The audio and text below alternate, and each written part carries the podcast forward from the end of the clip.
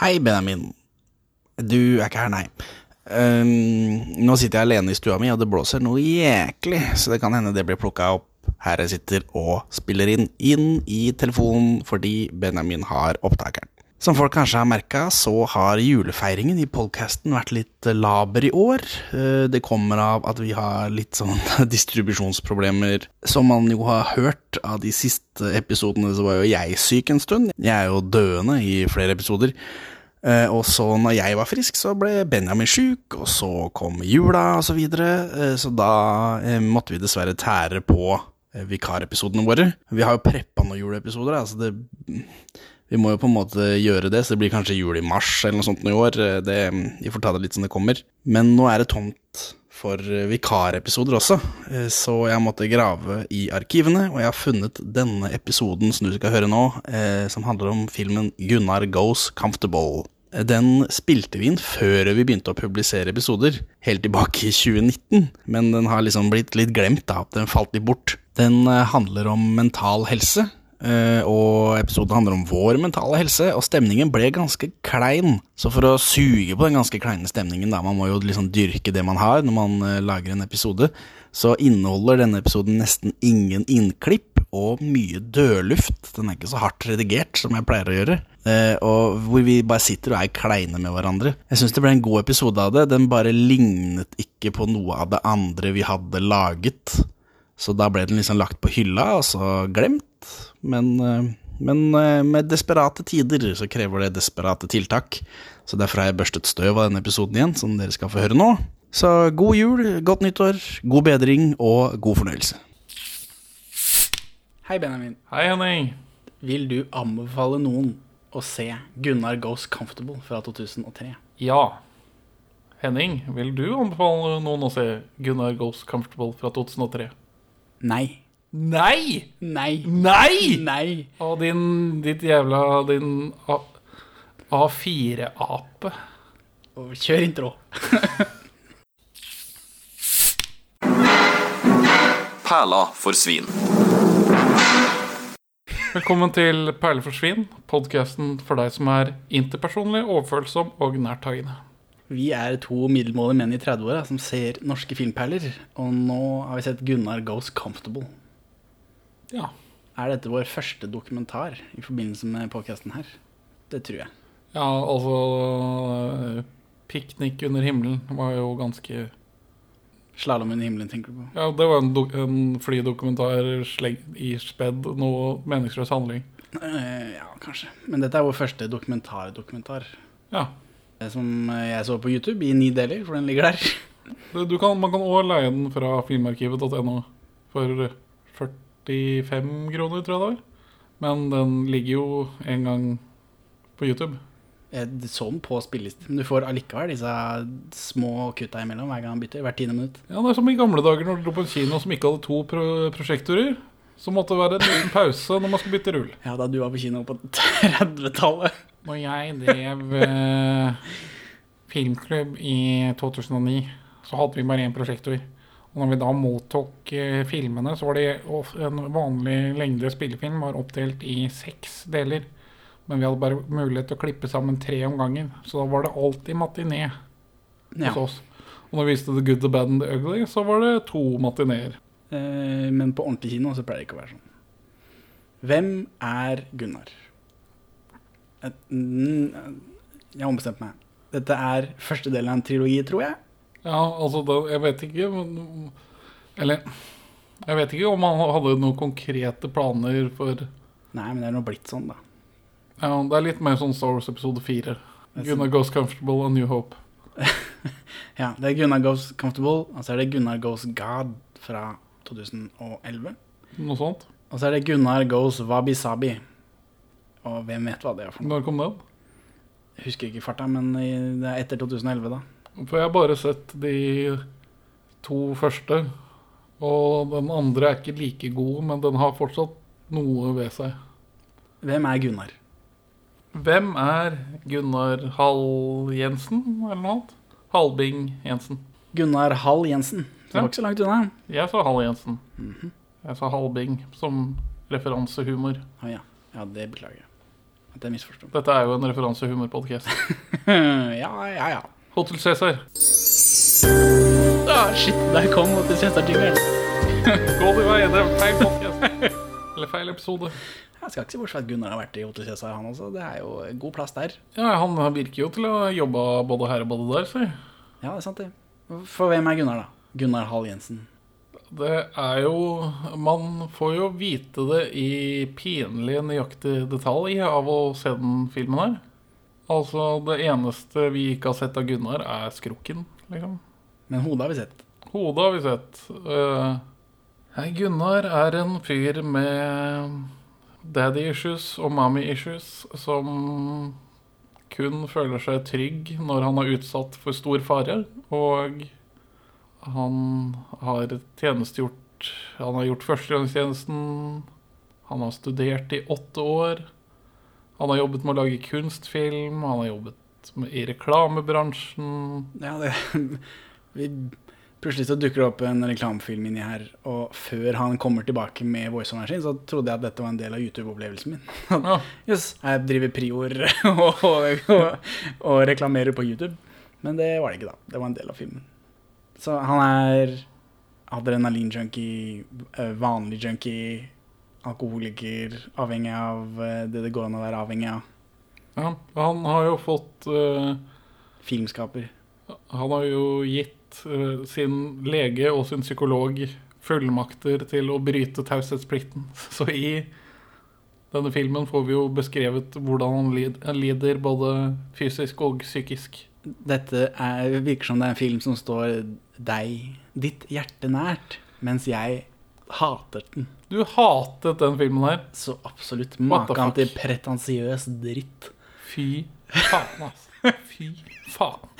Men eh, så derfor For du sa til meg at den filmen har du sett 100 000 ganger, så det var ikke noe problem. Og så, og så så jeg den, og så tenkte jeg i alle dager, er dette her en sånn For du sa til meg at jeg måtte se Valhalla Rising, for det var den beste filmen du noensinne har sett. Oh, oh, ja, men det, det, det har Og så, det gjorde- og så var det for å lure meg til å se en drittfilm, og så syntes jeg den var helt grei. Det var sånn uh, under middels.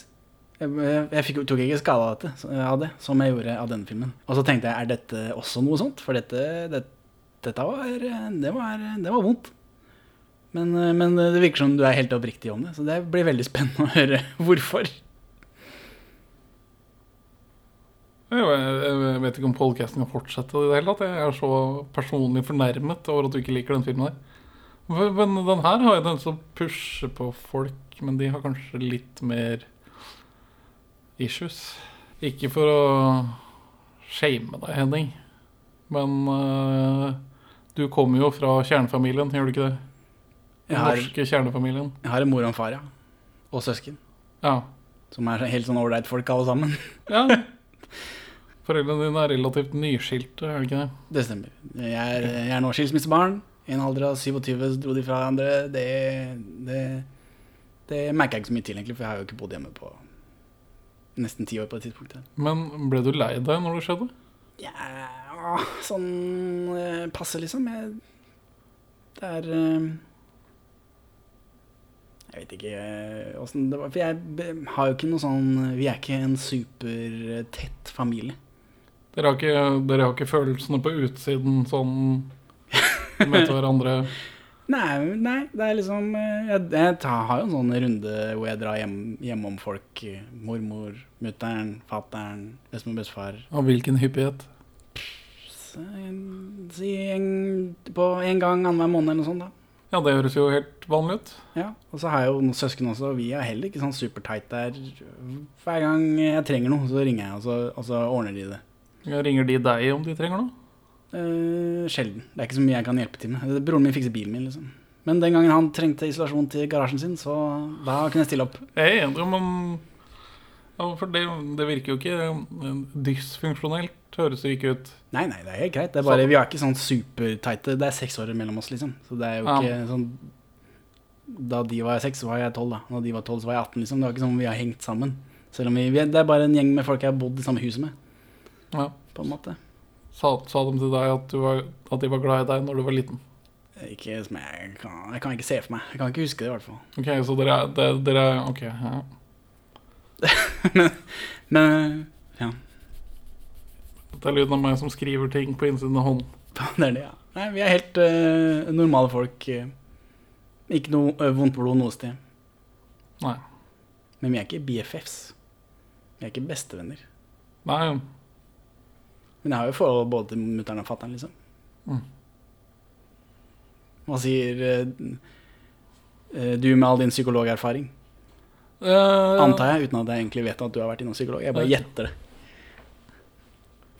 For meg, Henning, så er du på mange måter idealmannen. ok.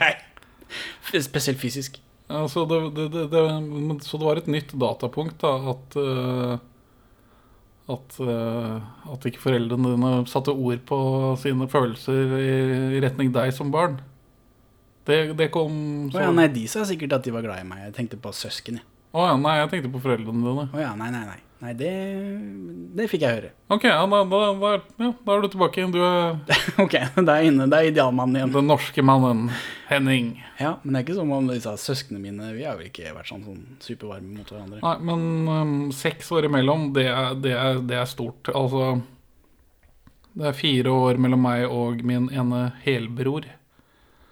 Og det var en problematisk alder, for han Han ville slåss, men han var bitte liten. Ja, men mine søsken er jo tvillinger, så de har på en måte holdt Wow. seg med hverandre. Ja. Så det, de har ikke engasjert meg så mye. Jeg var jo mye sint på dem selvfølgelig da de var sånn tre. To-tre. Men da var jeg seks, sju, åtte. For du er en slags sånn førstefødt Tyrion. Ja, eller eh, de, Er du lavere enn de? Ikke begge. Jeg er lavere enn min bror. Ok, skuff. Men det kom jo ikke før lenge etter at jeg har flytta ut. Nei, men da, da funker liksom ikke den En sang av is og ild-referansen min noe godt. Nei. Men min lillebror, han ville slåss, og, men, han, så, men jeg prøvde å liksom be the bigger person, siden jeg fysisk var det. Men uh, han bare fortsatte og fortsatte å, å be om juling. Og så prøvde jeg til slutt å gi han juling noen ganger. Men det var som Batman og jokeren. Altså. Han, han bare ler. Uansett hvor mye juling han får. Så Men som noen av dere kanskje gjetter, så eh, har jeg, har jeg noen fellesnevnere med Gunnar, eh, Gunnar her.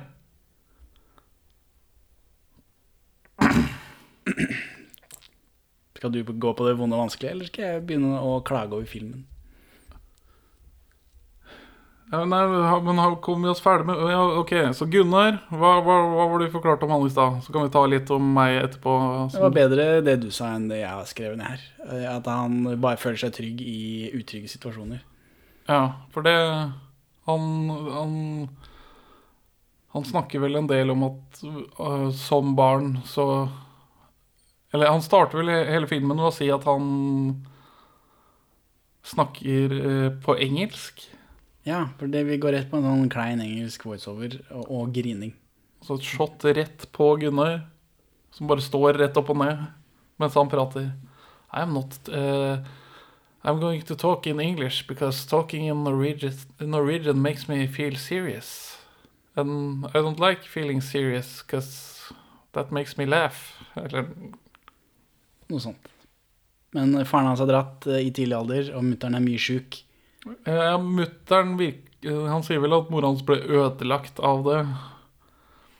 My mom got sick, depression, rheumatism and massive menstruations. Ja, han nevner det òg. Som er kanskje vårt første tegn på at her skal det deles. Jeg, så det, jeg så det som eh, mensverk. PMS-smerter, ja da. Ikke det at hun blødde mye. Nei, nei. Det at hun var satt ut litt fordi hun mensa så hardt. Selv om når han sa det, så var det selvfølgelig Der var det i heisdøren i Shining jeg tenkte på. Men, men, eh, men jeg tror ikke det var det han mente. Og så her jeg, Vanligvis når vi gjør dette, så skriver jeg ned masse punkt av historien i filmen, det, men det gir jeg meg med her etter en stund. For her har jeg notert strikkhopp og sånt noe, men det, det kommer jo ikke tilbake noe sted. Så, for, Det for dette er en type stream of consciousness-montasje som følger livet til Gunnar, på en måte. Jeg vil si prosessene til Gunnar mer enn livet hans. Ja, ja, ja. Men denne si- perioden i livet, den India, spesielt den India-delen av livet hans. Ja. Eh, jeg vil, men jeg vil jo si at den filmen her har en spenningskurve av noe slag. Nå ser du på meg som om jeg skal ha noe innspill, men, eh, men jeg er, Den er ikke, det, det, det, altså Stream of Consciousness høres ut som det bare er sånn rotete tull, men det er det jo ikke. Den, Det følger som mer eller mindre kronologisk, merka jeg meg. Men, eh, men utenom det så, så er det jo bare om alt mulig rart som han opplever. Føler han opplever. Sånt noe. ja, Det er ikke noe plott. Jeg oppfatta ikke noe sånn ordentlig Det var ikke noe manus. Jeg oppfatta ikke noe manus. Uenig? ja, litt uenig. Ja. Jeg, jeg, jeg, føler Gunnar har gjort en jobb. Han har i hvert fall vært kjempeirriterende for alle han kjenner, og filma mye Ja, opp igjennom. den verste typen venn. Ja. Den som filmer alt. Ja. Uh, og og noe han gjør mer i Gunnar Goes God, er jo at eh, han har jo en sånn eh, Det er et stykke ut i filmen her hvor han reflekterer over eh, kjærlighet og falsk imitet og den derre prins og prinsessen-historien som man, har liksom, man får liksom trykka inn som et sånt ideal, som han selv streber etter, selv om han skjønner at det er jo bare tull. Så da, da er han ute med noen, et vennepar av seg på, på, på camping eller noe tullball. Og så øh, deler han sin tanke, da, at han føler at deres forhold er like falskt som mitt. Så jeg får de til å sette seg ned foran kamera, og så får jeg eh, kvinnen i paret til å se rett inn i kamera, og så stiller jeg henne et enkelt spørsmål. Hvorfor elsker du din partner? Siden han vet at hun ikke kan svare på det på en genuin måte, så begynner bare hun å gråte. ja, det skjer i filmen, og det, det oppfatter jeg som falsk. jeg. Du opplevde, du opplevde det som falsk? Ja, ja, ja. Kan du ikke bare si hvorfor du elsker partneren sin? da? Kan ikke være så jævla vanskelig. Det er sant. Istedenfor bare å sitte der i stillhet, og i svart-hvitt også. Nei, det var farge i den sekvensen der. Var det det? Det var det. Det føltes som svart-hvitt i mitt eh, hode. For hva, hvordan er den filmen her laget, Henning? Eh, det er jo bare klippet sammen masse eh, klipp da, fra eh, Det må være 400 uh, sånn DV-teiper som han har tatt opp igjennom. Det er Super 8. Er det. Super 8-film. Ikke DV. DV ser mye jævligere ut enn kornete Super 8. ja, men det er Super 8, ja. Det stemmer, det. Det, det er ikke en dogmefilm, den er liksom Det er han som har filma seg selv opp igjennom. Jeg vet ikke hva han har tenkt til å bruke det til, jeg. men så ble det nå dette. Til sammen så har du ganske store krav til egen disiplin fremover hvis du skal komme videre og ikke ende opp nokså tidlig som krøpling. Nå sier jeg det nokså brutalt, men jeg tror det er tilfellet. Legen sier krøpling. Er det lov? Ja, det reagerte jeg litt også på. Han, eh, et, et, vi får først en sånn liten sånn kortversjon av hvorfor han er som han er, uten at den, den inkluderer det, det er vel flere ting som kommer opp etterpå. Vi får vite annet at det eneste tids... Altså at han Det første han husker, er frykt. Og at han husker å ha blitt innprenta at følelser som sinne og glede og bla, bla, bla er, er viktige, men at han syns Han klarer ikke å respektere det fordi de De, de, de føler ikke det, det er ikke ting som Det føles ikke som det har noe med det som faktisk foregår inni, inni han, han klarer liksom ikke å ta de seriøst. Og så går vi inn på det greiene med at det eneste tidspunktet hvor han føler seg trygg, er de tre-fire gangene i løpet av barndommen og militæret hvor han var i alvorlige ulykker. Når det er den derre usikkerheten, så får han sånne korte glimpses of clarity hvor alt bare blir rolig, og han ikke har det derre stresset inni seg. Og så klipper vi til legen hans, som forklarer helsetilstanden til Gunnar. Som er heller dårlig. Heller dårlig. Han har en skadet arm etter en ganske alvorlig ulykke i Forsvaret, som ikke spesifiseres hva var. Leddgikt. Han har Tore Sagen-syndrom, Hva er det for noe, da? Bechdrev, en type leddgikt. Sukkersyke. Gammel skade. Sjuk fyr. Og det vil kreve mye disiplin Ja. for å ikke bli krøpling tidlig. Sier legen. Eh, Men er krøpling, det er vel en klinisk term. Er det det? Det var vi idiot òg lenge. Mongoloid. Det er mye ting man ikke får lov å si lenger. Det er sant. Han vil ikke, han vil ikke bli fysisk utfordret tidlig. Nei. Jeg vet ikke Nei, jeg bare reagerte på det han legen sa det. Han som er, er lege. The day starts with a shot of insulin and then a torpedo up my ass. Sier Gunnar på et tidspunkt. Ja, Han sier det rett etter det her, fordi han snakker om hva slags regime han må ha. da. Ja, Og så er han alkoholiker. Og han driver med litt rus også, uten at det virka som det hadde påvirka han stort. Nei, Det virka ikke virka som, som han var avhengig. Han bare gjorde det for moro skyld. For han, Når han Han drar jo til India for å prøve å finne Go Comfortable. Finne seg sjæl. Og da har han en sånn firedagers sekvens. Godt stilisert sekvens av En meget pretensiøs eh, Godt sekvens. stilisert sekvens. Kunst. Film skal være kunst, Henning.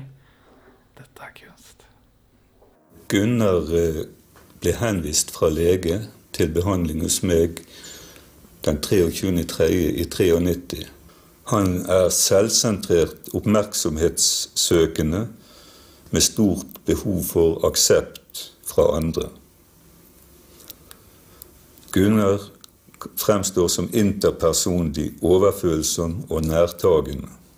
Har også en del tegn som tyder på manglende følelse av å være en helhetlig person, og med mangel på impulskontroll. Hvor var det jeg var? Eh, det er veldig pretensiøst alt sammen. Han drar til India, fire dager. Å, ja, men først så kjører vi bare hele det klippet av han, psykologen hans. Ja. For det er noe av det For altså, det som er spennende med underligg... Altså helt grunnleggende spennende med filmen, syns jeg, er at vi har en ganske fæl fyr. Så absolutt Eh, men så, ubehagelig type. ja, selvsentrert, oppmerksomhetssøkende, med stort behov for aksept fra andre. Unnskyld at vi kalte deg en fæl fyr, Gunnar. Vi aksepterer deg som du er. Og så har jeg Ja. Men det som er, gjør filmen Altså Er jo at man har en fyr som er Han hater jo seg selv. Han sier det vel ganske tydelig. I hate my mind.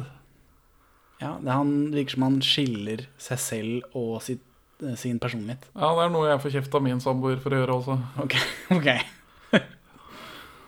Eh, men jeg skjønner veldig godt hva han mener. Mm. For jeg, jeg har jo Jeg har jo det frie jeget, og så har jeg det som har blitt det Personligheten din, liksom. personligheten min som er blitt formet av mine opplevelser. Og det er ikke alt av de formene, tingene, jeg samtykker til. Men likevel får meg til å gjøre automatisk Eller får meg til å ta automatiske avgjørelser i en del situasjoner som fører til dårlige utfall for meg. Og den delen av meg hater jeg jo. Ok, så da jeg, ehm, jeg er også skilsmissebarn som Henning. Kanskje litt tidligere enn meg. uh, jeg var ni år. Um, og mine foreldre har utvekslet to ord siden høsten 1999. Dette er da begynner å bli 21 år siden nå, gitt. Eh, Og det ene er hei, når de møtte hverandre på et utested i Oslo noen år etter, etterpå. Og det andre er hei, når de var på ungdomsskolereunion for en fem-seks år tilbake siden. Ja. Og, og, og avtale barnefordeling når man er to personer som ikke snakker sammen. Det går ikke så veldig bra. Så jeg møtte min far én gang i måneden eller noe annet. Fra 99 til 2002. Og så brøt min far kontakten med meg og min bror fordi det ble for vanskelig å samarbeide med min mor. Hvordan går det, Henning? Nei, det Jeg vet ikke hva jeg skal si, for uh... Har jeg sagt noe av dette før til deg? Ja. Ja. Ja da. Det er ikke Du har sett meg drikke masse og bare Det er ikke, det er ikke ny informasjon, det er bare litt vanskelig å, å si noe. For ikke å trampe på deg. Jo, ja, bare trampe i vei. Eh, men så i en ganske formativ eh, per periode av personlighetsdannelsen, da, så hadde ikke jeg noen farsfigur. Som, som gjør at det er visse aspekter ved eh, Gunnars opplevelse av hvordan det er å være menneske, som jeg kan kjenne meg veldig godt igjen i. I motsetning til meg. I motsetning til deg, A4. Jeg ble, jeg ble, jeg ble, jeg ble, litt fornærma at du ikke likte den her. Du ble det? Jeg ble det. I alle dager. Ja ja. Det får jeg ikke gjort noe med. For jeg mistenkte, mistenkte øh, for jeg vil si dette er den beste norske filmen som er laget. Ja, men da pakker vi sammen podkasten og legger ned dette. Men jeg må jo si at jeg, eh, det betyr ikke at det ikke kan lages bedre norske filmer. Jeg har gitt denne her åtte av ti på IMDb, så jeg nå i sted. Ja. Men grunnen til at du syns den er så bra, er fordi den resonnerer med deg. Mens for meg så er det helt fremmed og noe av det verste jeg har sett. Men så du jeg var veldig usikker. Hvor lenge var du super Altså, hadde du bare en dårlig sta Kom du bare ut av feil side på sengen når du startet opp, Gunnar, eller hva? Nei, nei, nei. Denne så jeg før eh, Svik. så Lurt. Men eh, nei, jeg fikk en litt sånn dårlig følelse når, det- når det starta med litt klein engelsk og grining. Og så var det montasjer og sånt, og så tenkte jeg ja, ja, jeg får være med på dette, da. Og så kom jeg til en lang sånn bæsjemonolog, og da tenkte jeg ok, dette her nå Jeg hater denne filmen. Bæsjemonolog. Ja, for han, eh, for han, Ja, for- han, han er vel i India, da, sitter han og bæsjer og greier. Og så, ja. Så fram til det så var jeg liksom usikker. Men så har jeg skrevet her at eh, bæsjemonolog eh, Nå er jeg sikker på at jeg hater denne filmen. My problem is that uh, I'm a doer. I'm not built to uh, uh, live in the moment. Ja, Han har vel en eller annen sånn revelation. Han har masse oppvåkning. revelations fram og tilbake. Ja. Men uh, altså Ja, nei, det er masse greier. Han har problemer med seksualitet i forbindelse med mora si. ja, og nærhet og kvinner i det hele tatt. Ja, men det er sånn eh, altså Plutselig så er det noe, noe klipp eh, av Hitler, og da har jeg skrevet ned en pretensiøs filmbingo. Voiceover, snakk om hvor mye man puler, grining, kuk i monitor, griner, ler etter kamera. Befri meg! Utropstegn, utropstegn, ett-tall, utropstegn. Men hans kommentar om Hitler er jo ganske treffende, syns jeg. Ja, hva var det han sa for noe? Han, han, han, han snakker vel om at eh, denne generasjonen som har vokst opp uten fedrene sine fordi de døde under første verdenskrig Ja, når det kommer et sånt macho fascistparti og liksom er sånn Yes, vi skal skape den orden du ikke hadde, så er det ganske Ja, han, han sier dette. Ja, og at eh, han er glad han ikke var en ung mann i 1933 eller noe. Ja, men dette kommer ut på, eh, på, på klein engelsk voiceover, da. Bare så det er sagt. For nå, når du forteller, når du sier det sånn, så høres det ut som det er en film som henger sammen. Ja. Ja, det syns jeg ikke. Det er også, det er også- også et klipp her hvor han tørker kuken en varmom. Altså, Ja, jeg, svir, jeg hater det. Det er ikke noe underholdning i det. Han får et væskende sår på kuken eller noe. Ja, han prater mye om det, han svir tuppen av kuken i den varmommen, da, men jeg skjønner ikke Det virker som han er veldig lenge i India. Han, hvor får han pengene fra? Han har jo Jeg tror For han, når, ja, for han beste, eh, når han bestemmer seg for å dra til India, så har han allerede vært fem år hos psykolog etter henvisning fra legen sin, som syntes at her kan det være noe å jobbe med. Så han er misfornøyd med at han har fem år med snakking, og at han kan sette ord på alle deler av sin personlighet. Men han, han føler seg jo fortsatt helt lik. Han har ikke kommet seg bort fra personligheten sin. Bare fordi at han har blitt oppmerksom på hvordan den er bygd opp. Ja, han finner seg en sånn yogi, da. Så da fikk jeg følelsen av at nå skal han liksom bli med i en kult og greier. Og det tror jeg kanskje Han var vel- Han var, uten at det ble satt, satt i ord i den filmen her. Ja, for han, han, sier vel at, han sier vel at han er med på greia ganske lenge, og så er det bare sånn «Ah, Nei, det her er jo bare piss, det her også. Ja, ja, men Ja, jeg vet ikke. Fordi dette helt, helt på slutten, når han gifter seg greier, så er det noe indre der.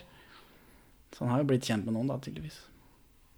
Det er vel en inder som er med og går i dette brudefølget ganske langt oppe, så jeg så for meg at det var en av disse sjefene i den der kulten hans. Uten at eh, det blir sagt noe om det, jeg bare registrerte det. Men, så, men hvor får han pengene fra, da, når han er i India, tenkte jeg på.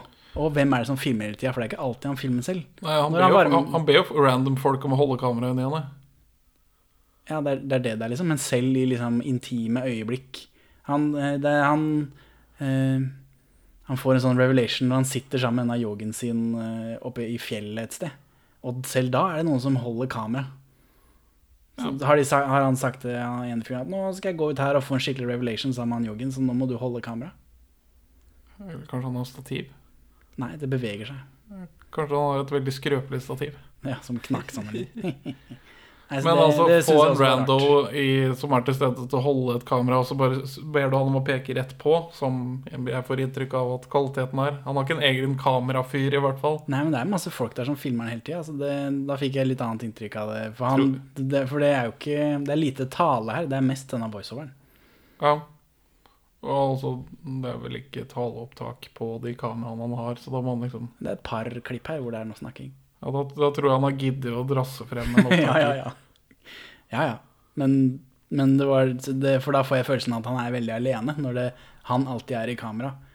Og det er bare denne voiceoveren hans. Men så beveger det kameraet på seg. Det er noen andre Nei. Vi ser begge armene armene hans. Det er ikke, sånn det er ikke selfie-style, alt sammen. Det er noe av det. Sånn som han varmer kukken sin, det tror jeg på at han har filma sjøl. Ja. Men mye av det andre som liksom også skal være veldig følelsesladd Det er flere folk der. Jeg syns det, det ble rart.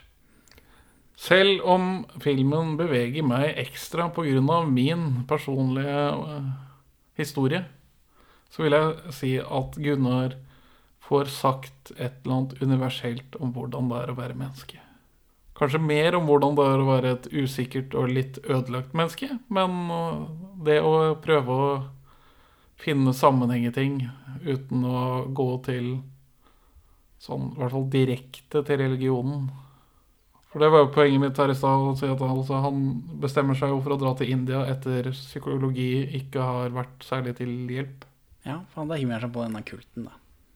Antar jeg. Uten at jeg har googla hva for en gjeng det var. Men altså alle sånne yogier, altså selv han til Beatles, driver jo sånne kulter. Ja, ja. Jeg sier ikke at eh, han i Beatles var noe bedre. Yogi Maresh Jeg vet ikke. Sexy Sadie. Yogi Berra Sexy Sadie. What have you done? Ja, Den låta er basert på han da, fordi han var en slusk. Det virker jo som det er litt samme opplevelse som Gunnar har, da. Vi er jo hele ti minutter ute når vi først får tittelen. Jeg har ikke lagt merke til at den hadde en undertittel før denne gangen jeg så den. Den heter jo 'Gunnar Goes Comfortable'. A Personal Inquiry. Så det handler jo om en dust som går i seg selv. Som gjør det Og, og som har ingen skrup... skrup... Skrupler? Skrupler? Når det gjelder å vise ting, tenker du på? Ja, vi, ja, det er en fyr som har ingen skrupler på å vise hvem han er. Nei, men det gjøres på den mest pretensiøse måten. Jeg tror det kanskje var det som var vondt for meg.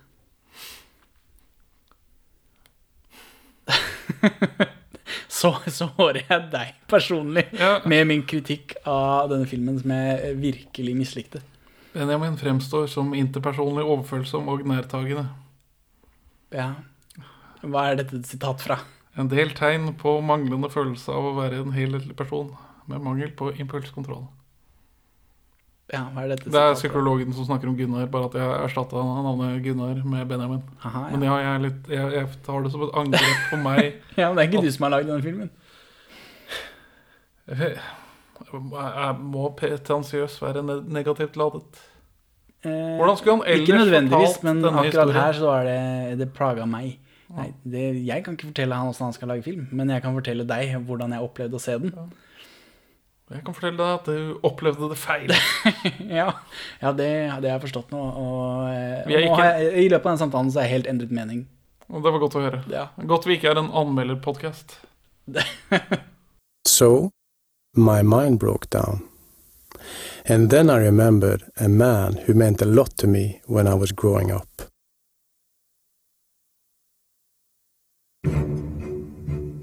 Yokio Mishima was Japan's most celebrated author. Han nevner en, en eh, japansk eh, forfattertype Ja. som prøver å styrte regjeringen og ta livet av seg selv. Og det, det, det er sånn jeg syns er gøy å lese om på Wikipedia, så det har jeg gjort, da. ja.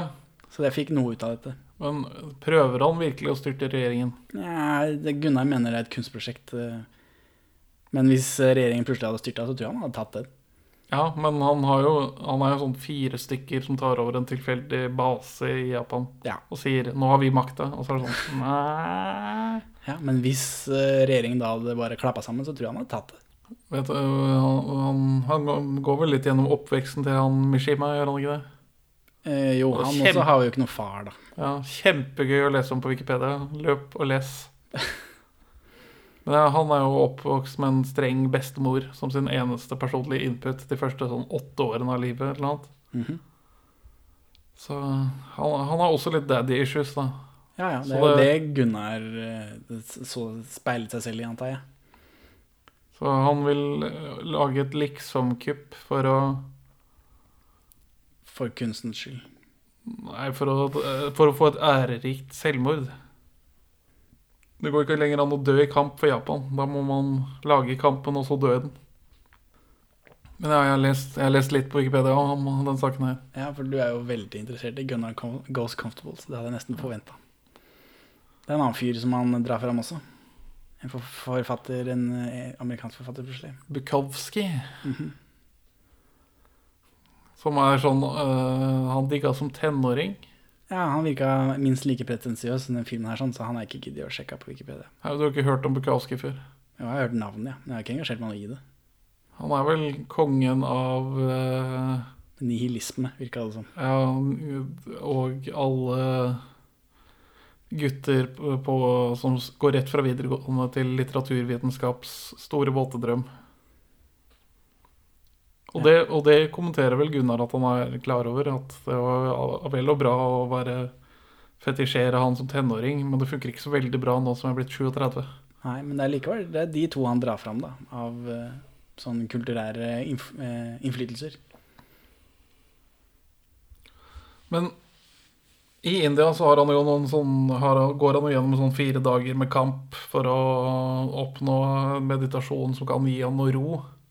Og da får jo han veldig sånn stressa fyren her med et kronisk ubehag, et sånt Plutselig endelig en sånn ro over seg. Så, men det virker ikke helt som han skjønner hva det er. Og da har han en fin sekvens hvor han reflekterer og eller minner fra barndommen som ikke blir ikke har vært tydelig før, han, før nå. Hvor han liksom husker når han har opplevd den roen. da. Og da er det en ganske fin pretensiøs sekvens. Hvor han går innover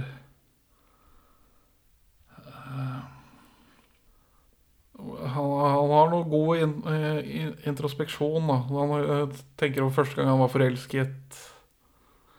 Hvor han da annet tenker på første gang han var forelsket. Og da, da er det nærbildet av han på klassebildet sitt. Og så er det et nærbilde på hun jenta i klassen var forelsket i. Jeg ser for meg hun sitter og er bare sånn wow! Jeg tror hun sitter og tenker flaks at ikke jeg var sammen med han senere i livet, for de er også med i den filmen her. Jeg mistenker at ikke alle de har, eh, har signert noen waivers. Du tror ikke det? Jeg kan ikke øh, Fant du noe rettslig etterspill etter Gnarly Goes Comfortable? Nei, nei. Men driver vi sånn eh, normale Vi driver vel ikke sånn, vi normale norske nordmenn. Mm, Hvis jeg skulle være med i en film i en bisetning i en film eh, fra en eks som blottlegger seg selv, så er det veldig dårlig Det, blir, det er dårlig optikk da, av meg og, å saksøke personen. Ja, altså For den fikk vel sånn ganske greie kritikker da den kom. ja, her filmen er godt likt. Ja, Av alle bortsett fra meg. da Ja. Alle andre tar feil, selvfølgelig. Men ja, men han forelsker seg Han tenker tilbake på første gang han forelska seg, og så virker det som han liksom jager den eh, rusen, da. I tillegg. Ja, og, og, I tillegg til at han er en helt utrolig dårlig kjæreste. ja, men han snakker jo om liksom, når han så på film som barn, og når helten var så rå at han levde seg helt inn i han og glemte seg selv. Og når han løp så fort at han ikke bla, bla, bla kunne tenke på seg selv. Ja, når du sier bla, bla, bla, så må du forstå at dette kan oppfattes som pretensiøst. Making love. Ja. Lost in my orgasm. ja, Ja, ja det, er, eh, det er Han snakker mye om all pulinga han gjør, om sine unge, unge kjærester. ja han, han, han legger ikke så mye imellom. Og så virker det som Altså, hun som følger han til flyplassen i India uh, Så virker det som at han har bedt henne filme en sekvens spesifikt til filmen. Mm. Nettopp. hvor hun filmer han som går mot henne, og han som filmer henne som går mot han. Og hva, hva hva er det han sier om sitt forhold til kvinner? At han Han overøser de med kjærlighet til de er helt avhengig av hans bekreftelse. Og så trekker han det tilbake. Ja. Og så, er, og så blir det ikke mer. Nei. Så litt problematisk personlighetsdannelse, kan man kan man vel si. Ja. Han er jo en trøblete fyr. Men, men altså en, en trøblete fyr som er ærlig på sin egen elendighet Det er ikke sånn at han Han opphøyer ikke seg selv. Nei Men hvis man sammenligner med den der psykologiske eh, oppsummeringen av eh, Jeg antar han lager denne filmen for han vil ha bekreftelse. Hvis vi går over til det han psykologen sier. Eller tror du det er noe annet som ligger bak? Nå er jo han blitt en dokumentartype. da Han lager andre ting også, som ikke bare fokuserer på han. Men han psykologen sier at han er selvsentrert oppmerksomhetssøkende med et stort behov for aksept fra andre. Ja. Han vil jo få aksept for andre for filmen som stykke, men som Man får ikke spesielt lyst til å være venn eller kjæreste, med han. Nei, men han friskmelder seg selv eh, mer eller mindre i slutten av denne filmen. da Ja, Ikke med ord, men eh, han viser jo det at nå er alt bra, nå lever jeg det kjedelige, har fire liv og koser meg gløgg i hjel. Og så så jeg traileren til Gunnar Gåsgad. Han er ikke så fornøyd allikevel. Nei, jeg, jeg føler den slutten på filmen har en sånn prikk, prikk, prikk. Ja, Det mangler et sånt uh, jump scare eh, helt på tampen.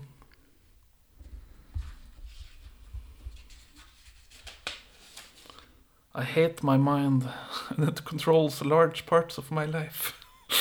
Ja, det er jo sånn for de fleste, da. Ja, det er jo dessverre det. I go straight back in my habit of emotional dishonesty. Ja. ja. Men jeg som er eh, Ikke har store mentale problemer, jeg syns det er vanskelig eh, å,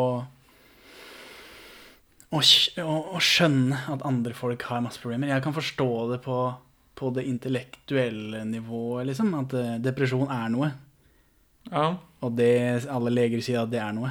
Men så kan jeg ikke skjønne hvorfor ikke du bare kan komme deg opp på senga og gjøre noe fornuftig heller. På det følelsesmessige nivået. Men jeg lar, være, jeg lar være å si det, da. Fordi jeg vet at det er noe på ordentlig. Men jeg har jo aldri opplevd det. ja litt sånn, sånn som klimaendringer, liksom. Men så du har en manglende evne til mentalisering, tror jeg det heter. Det er mye mulig. Å forstå hvordan andre opplever ting. Eh, ja, det er det jeg føler, at jeg forstår det, men jeg føler det ikke, på en måte. Nei, Men det er kanskje jeg bruker ordet feil. Nei jeg, jeg tror jeg skjønner hva du mener. Ja. Det er sånn som jeg forstår at, eh, at det du opplever, er ekte. Så jeg er ikke Jeg prøver å la være å være rasshøl. Kan du ikke bare ta på deg buksa da, og så gå på jobb istedenfor? Fordi jeg skjønner at det er noe på ordentlig, men, men jeg, jeg forstår det ikke. Nei, For du har aldri vært deprimert? Nei, jeg har jo vært lei meg, liksom. Men jeg har jo ikke vært eh, sånn deprimert som folk som beskriver å være deprimert er. Du har aldri vurdert å dra en Ari? Eh, Nei. Ikke på ordentlig. Jeg har, eh, jeg kan tenke meg, jeg har tulla mye med at jeg vil hoppe i fallskjerm over New York og så skyte meg i hodet. Og så kommer jeg i avisa etterpå, for alle lurer på hvem er denne fyren som mangler hodet, som kommer flyvende ned over New York. Men det er ikke som jeg har eh, Ja, du skal skyte deg i hodet med muskedunder, eller hva? Ja, eller hvem er denne fyren her som, som er skutt i hodet, og som kommer dalende ned i fallskjerm? og da kommer jeg i avisa hjemme da, til Moss. Men bare som en ren sånn humorbemerkning. Ja, ja, ja, jeg har aldri vurdert å ta livet av meg selv, nei. Same. Same. Wink, wink, nudge, nudge. Nei, men sånn er det. Jeg tror det er ganske eh, Jeg tror det er urovekkende vanlig å, å, å, å tenke det. Ikke som meg, da, men å, tenke Å ha Hva heter det? Intrusive thoughts. Ja. Det er mange som har vurdert å ta livet av seg, som ikke nødvendigvis har gjort det. Men jeg har aldri gjort det. Eller aldri tenkt tanken. Jeg har aldri hatt det så gærent. Hva har det å si, eh, psykolog Benjamin? Nei, men Er jeg for normal? Er det for gærent, dette? Jeg tror jeg er såpass normal at ikke jeg ligger på gjennomsnittet, liksom. Ja, jeg, det, det, det syns jeg er en god observasjon. At du ligger eh, du, du trekker de unormale opp i din overstadige normalitet. Det eneste du mangler, er vel sportsinteresse? Ja, eller jeg føler ikke jeg er sånn eh, I eh, hvordan jeg lever livet, så er jeg vel ikke sånn supernormal. Eh, Men eh, sånn psykisk sett så er jeg jo helt eh, Jeg holdt på å si flatt, men jeg, er flatt, men på, på et, et lykkelig plan. Om det gir noe mening. Ja, det, Jeg er jevnt over lykkelig. jevnt over fornøyd. Mener Stittesilling, ja. Ja, ja men hm, Ja, det, det Det er kanskje ikke det beste utgangspunktet for å se den filmen her. På ingen måte, fordi For du har- jeg, så vondt jeg hadde det. Har Da liksom- vurderte jeg å ta livet av meg når jeg satt og så på den filmen her. Når han var midt i den bæsjemonologen, tenkte jeg ok, nå åpner jeg vinduet her sånn, og så bare lar jeg det stå til. Ja, For du, du, du har tenkt å la trekken telle på deg? Tenkte å hoppe da, vet du, ta med meg varmeovnen, eh, legge kukken i varmeovnen, og så hoppe ut av vinduet her. Nei var det jeg skulle Jeg hadde en annen lur kommentar. Ja, det var fint av meg å avbryte da. Ja, For du har aldri hatt noen sånne personlighetskriser eller noe vanskelig Nei, Åssen da, tenkte du på? Ja, det har jo vært noen samlivsbrudd og alt det greiene, men jeg har jo ikke følt så sterkt på det at liksom den eneste løsningen er å, å hive meg for en lastebil, liksom. Gråter du noen gang, Henning? Eh, Det har hendt. Det er mange norske filmer jeg begynner å grine av. Er det det? Nei, ikke norske filmer, kanskje. Men uh, nå er jeg blitt så gammel at jeg bare lar det stå til, liksom. I ny og ne så bare står du og gråter, eller? Nei, hvis jeg blir, uh, blir rørt av en film, så kjører jeg bare på. Det okay. kan være det samme. Og så du har ikke grått etter dine foreldres samlivsbrudd, f.eks.? Nei, det har jeg ikke merka noe til, fordi da jeg vokste opp, så var jo fatter'n stort sett på jobb.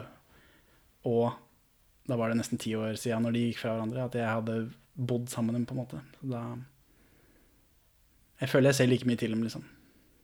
Kanskje ikke så mye sammen, da. Nei, men jeg ser like mye til dem. Snakker de sammen? Eh, de har ikke noe grunn til å gjøre det. Alle barn er jo voksne, liksom.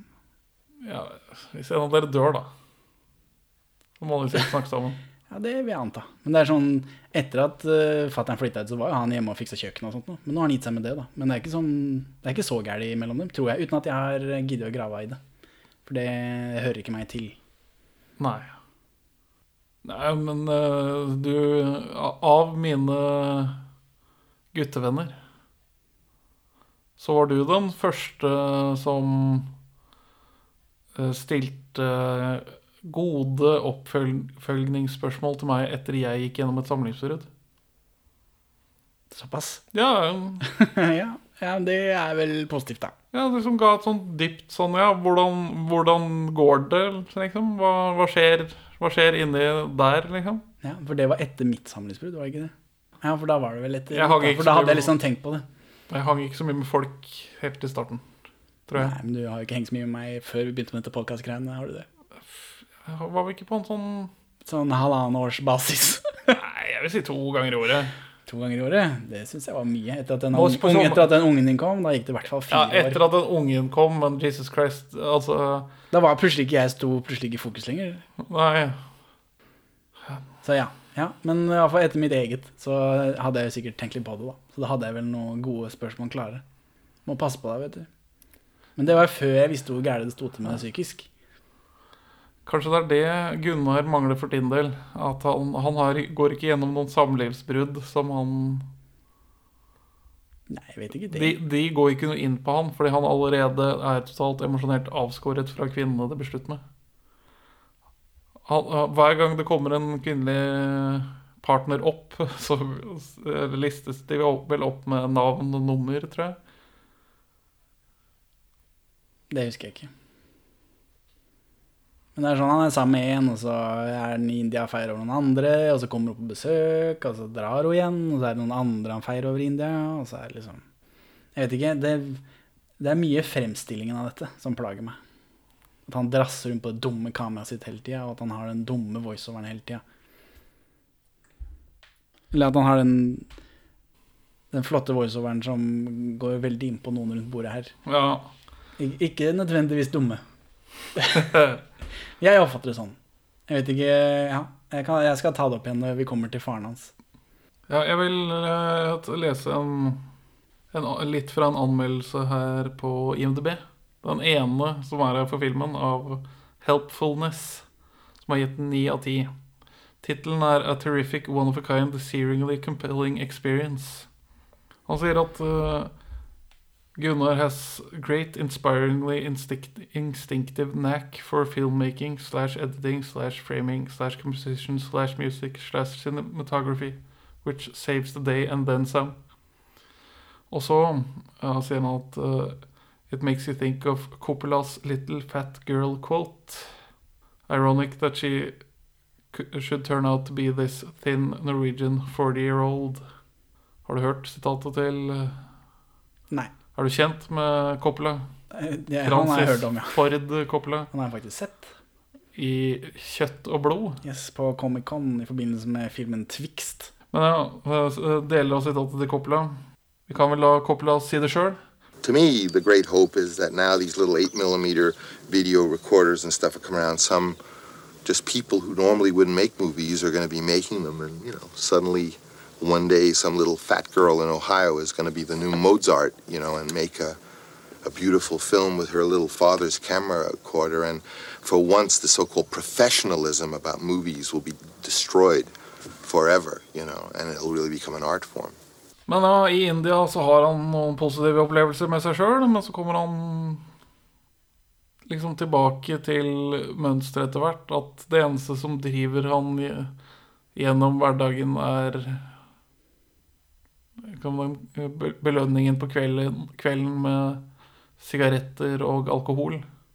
Og at han ikke helt syns det er sånn nok, sånn på lang sikt. Vi klipper rett fra India og så inn til dubbing i Norge. For han er jo filmskaper, og det virker som han regisserer dubbingen av en reklamefilm? En norsk film? Han, han, han, har, eh, han har regi Han har før Før han reiste til India, så hadde han spilt inn en industrifilm. Altså en promofilm for Statoil, virker det det var- hadde noe med Statoil å gjøre, men så gikk dialogen på engelsk, og så drev han og regisserte noe dubbing på Ja. norsk. Ja.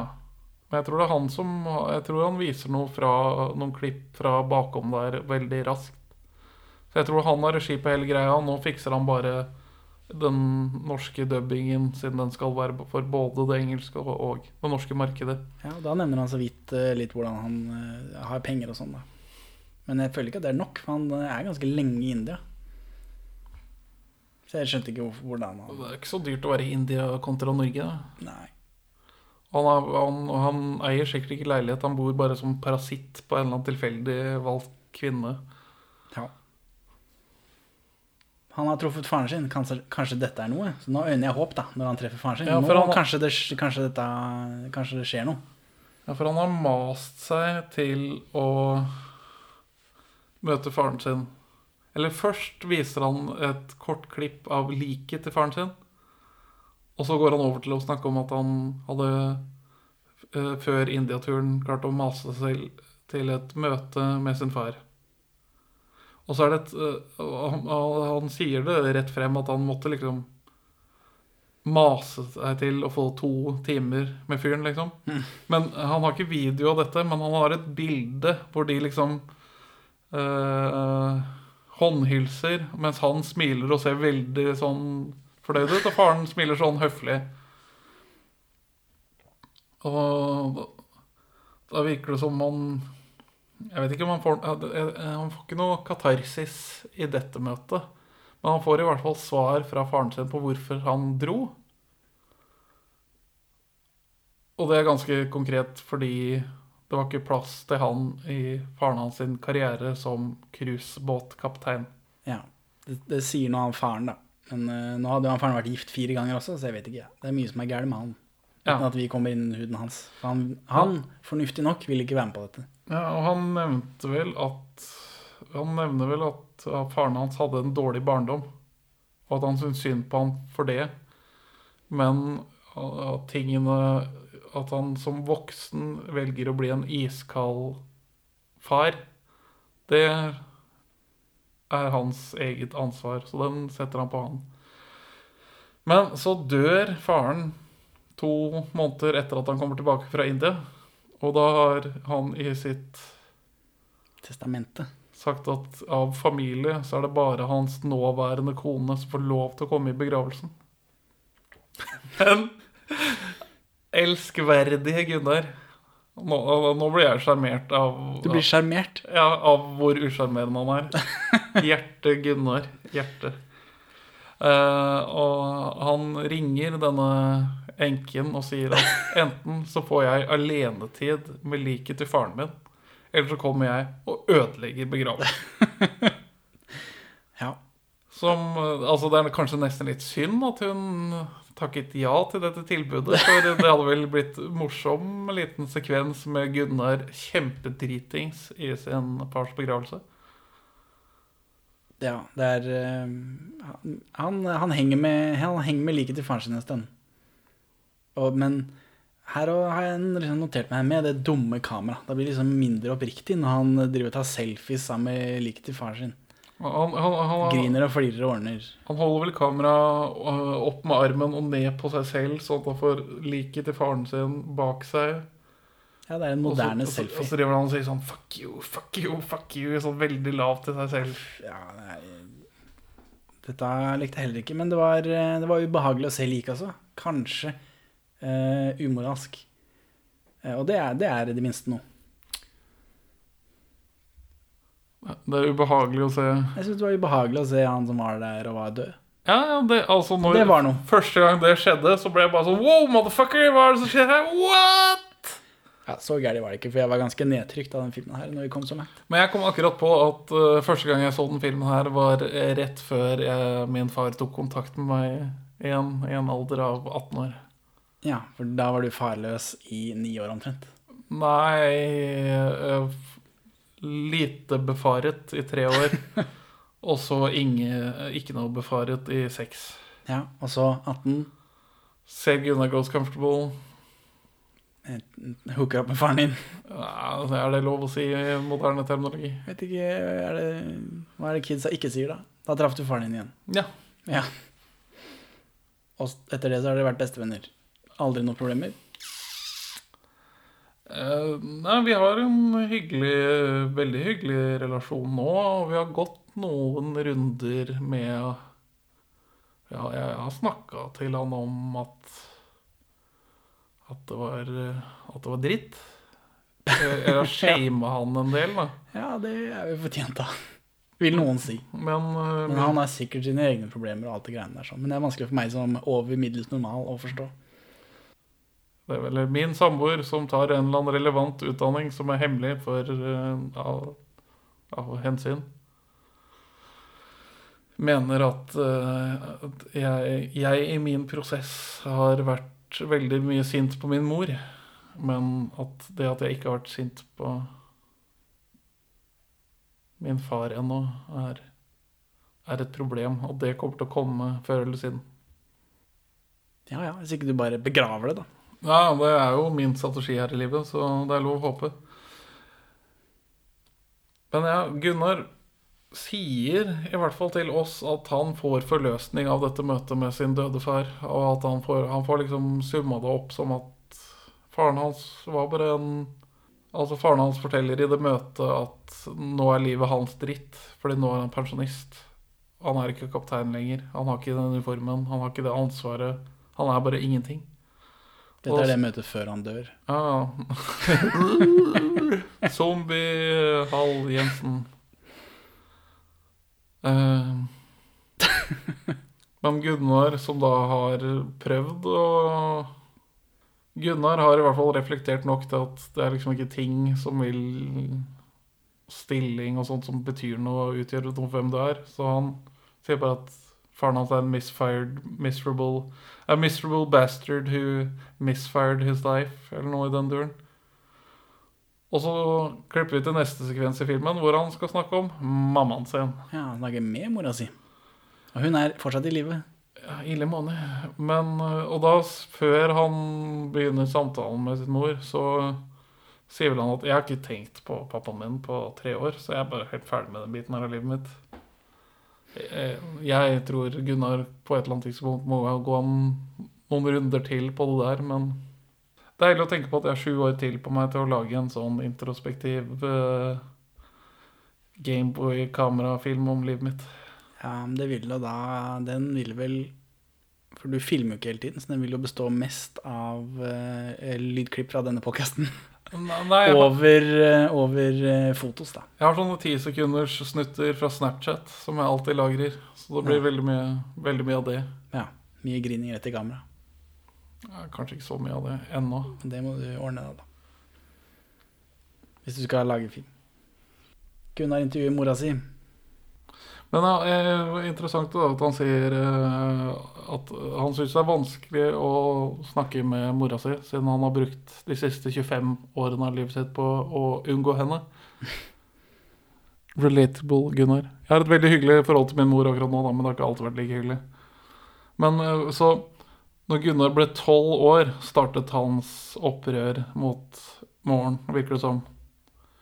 For han går jo tidlig inn på, tidlig inn på i filmen at når mora hans ble syk og ødelagt av det bruddet, så tok han all hennes smerte innover seg, og han måtte sitte og holde hen, hånda hennes for å trøste henne. Som jeg skjønner at man blir fucka opp over. Det er foreldres ansvar å hjelpe barn med følelsene sine. Ikke omvendt. Ja, men så har man følelser som foreldre òg, da. Ja. Men, men så lenge Nå høres det ut som dette er noe som har pågått eh, over tid.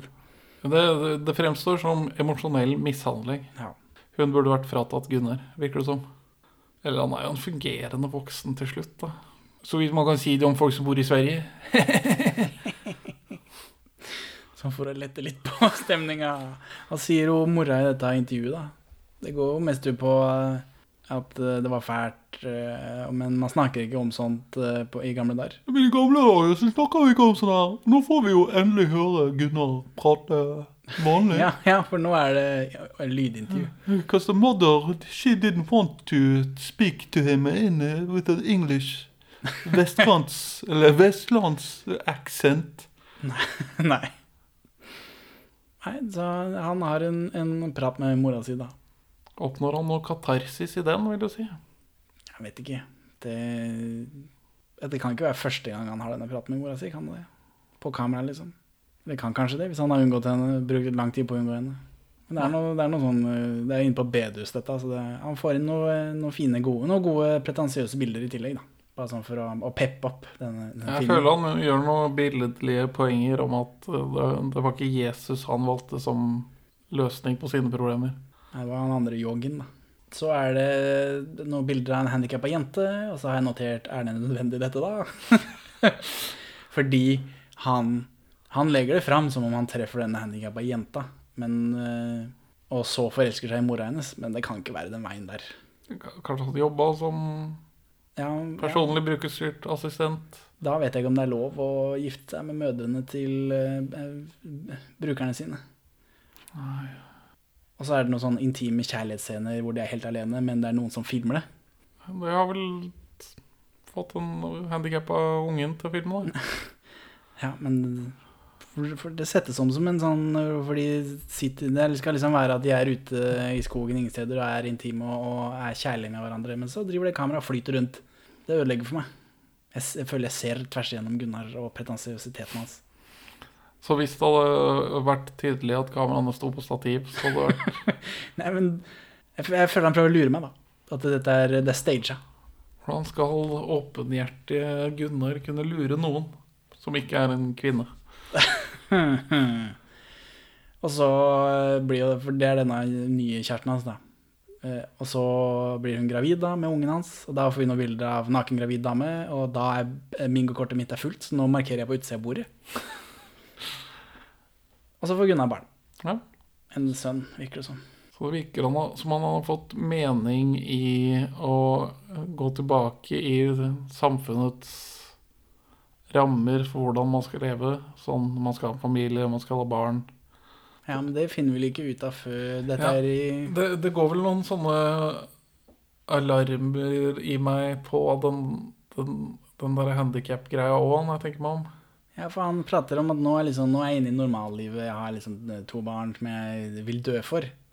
Ja, øh, hun dattera til hans kone Mhm. Hun er, bare- er nonverbal.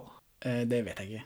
Eh, men sånn fra hva vi vet om Gunnar tidligere, altså at han bare finner ro i krisesituasjonen Har han, har han noe Overfører han krisesituasjonen til dette barnet og finner ro i å være til hjelp utenfra, liksom? Det var det jeg tenkte når du snakka om at han fant ro i denne eh, A4-tilværelsen. Så vil jeg si at det finner vi vel ikke ut av før sønnen hans lager film. Nei. Dette er i 2003, så om et par år til nå. Hva heter sønnen til Gunnar? Svensk dobbeltnavn? Bo Hasse goes comfortable. Ja, jeg, det fikk jeg ikke med meg, men det var Jeg tipper han eh, Det kommer til å gå utover barna, som med alle andre barn. Så er det foreldrene som går utover barna. Så vi får se, da, hvor eh, stabil det går an å bli etter et sånt liv. Og så er det en lang, eh, pretensiøs, kjip prat om eh, gressklipperen hans og hvor mye han liker å klippe gresset, for nå er han blitt supernormal. Men, men med en viss sånn prikk, prikk, prikk-aura, er, er, er dette sant? Kan man stole helt på Gunnar? Nei, nei, det kan du ikke, fordi han jukser og lyver gjennom hele den filmen her, syns jeg. Hvordan, for, fordi i ny og ne så får han andre til å holde kamera? Ja. For okay, han gir inntrykk av, av, eh, av Han gir inntrykk av at han er alene når ikke han er det. Og det irriterer meg. Han Ja, men når, han lyver til meg. når han er helt alene, så er han jo ærlig på det ved å bruke kamera. Men er noen, han har ikke noen til å gå rundt han med kamera når han sier And then I was alone, crying in the darkness. Så er det ikke noen Det er jo bare i situasjoner hvor det er andre folk til stede som kan holde kamera for han. Jeg, jeg er ikke enig i denne kritikken. Henning tar feil. Ja, nei, men jeg føler han prøver å lure, eh, å lure meg gjennom hele filmen, så det forundrer meg ikke om han egentlig er seriemorder der han står med gressklipperen sin, for han ser litt sånn ut. Til en Bundy-opplegg. At ikke han er helt, eh, helt i vater ennå. For han er veldig fornøyd, da. For nå det, Han sier det jo ikke, men jeg tror han skal vise at han er veldig fornøyd med det kjipe vanliglivet sitt nå. Eh, Men dette er så kjedelig, så jeg veit ikke hva jeg skal gjøre av meg. Akkurat denne sekvensen. Og så så- jeg jo traileren til den eh, Gunnar Goes og han er ikke så fornøyd med kippelivet sitt allikevel. Ja, det har gått noen år, da.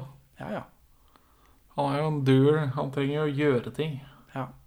Men nå er det over. Gudskjelov, hva jeg skrev der. Så Henning, hvorfor vil ikke du anbefale Gunnar Goes Comfortable fra 2009? Fordi det var en grusom film å se på. Med en fæl fyr. Eh, hvis, du har litt sånn, eh, hvis du har litt sånn daddy issues, se Terminator 2. Ja, for han kjenner ikke pappaen sin Kyle Reece. Er det sånn det er? Nei, det gjør han heller ikke, men så har- det er noe knyttebånd til Arnold Schwarzenegger-roboten, og så er det liksom altså, Hver gang tommelen går ned «Tudadu, tudadu, I know now why you cry, but it is something I can never do. Og så er det liksom da, det, er- det er en bedre film enn dette. Gråter du av Terminator 2? Mm, ikke i det siste. Men jeg har jo gjort det, da. Så Benjamin, hvorfor vil du anbefale noen eh, å se den filmen her? Uh, Gunnars eh, personal inquiry inn i seg selv uh, har noe universelt med seg om opplevelsen av det å være et menneske. Og det å være usikker på seg selv og hvorfor man er konstruert som man er. Og å se noen andre flette ut alle Flekke ut alle skjelettene de har i skapet. Det er spennende. Jeg har sett eh, Denne filmen her er alltid gøy å se på. Jeg har sett mange ganger. Men som eh, litt defekt menneske, og da produkt av en stygg skilsmisse, så kan jeg se at den beveger meg mer enn deg. Det, det er greit. Men uh, når, jeg, når jeg finner ut av uh, folk at de kommer fra litt sånne defekte familiesituasjoner, så spør jeg dem alltid Har du sett Gunnar Gås Comfortable? Takk for at du hører på Perler for svin. Du finner oss først og fremst på perleforsvin.no, men også på Twitter under perler-for-svin, Facebook som perleforsvinpod, eller du kan maile oss på perleforsvinpod at gmail.com. Gi oss gjerne en eh, rating i din lokale podcast-avspiller, og, og legg igjen en beskrivelse, så folk skjønner hva det er for noe tull vi egentlig driver med. Her er ukas Pål Bang-Hansen-sitat ute av kontekst. Vi har allerede sett Politiskolen nummer seks, så da manglet vi bare en etterfølger til Dødelig våpen.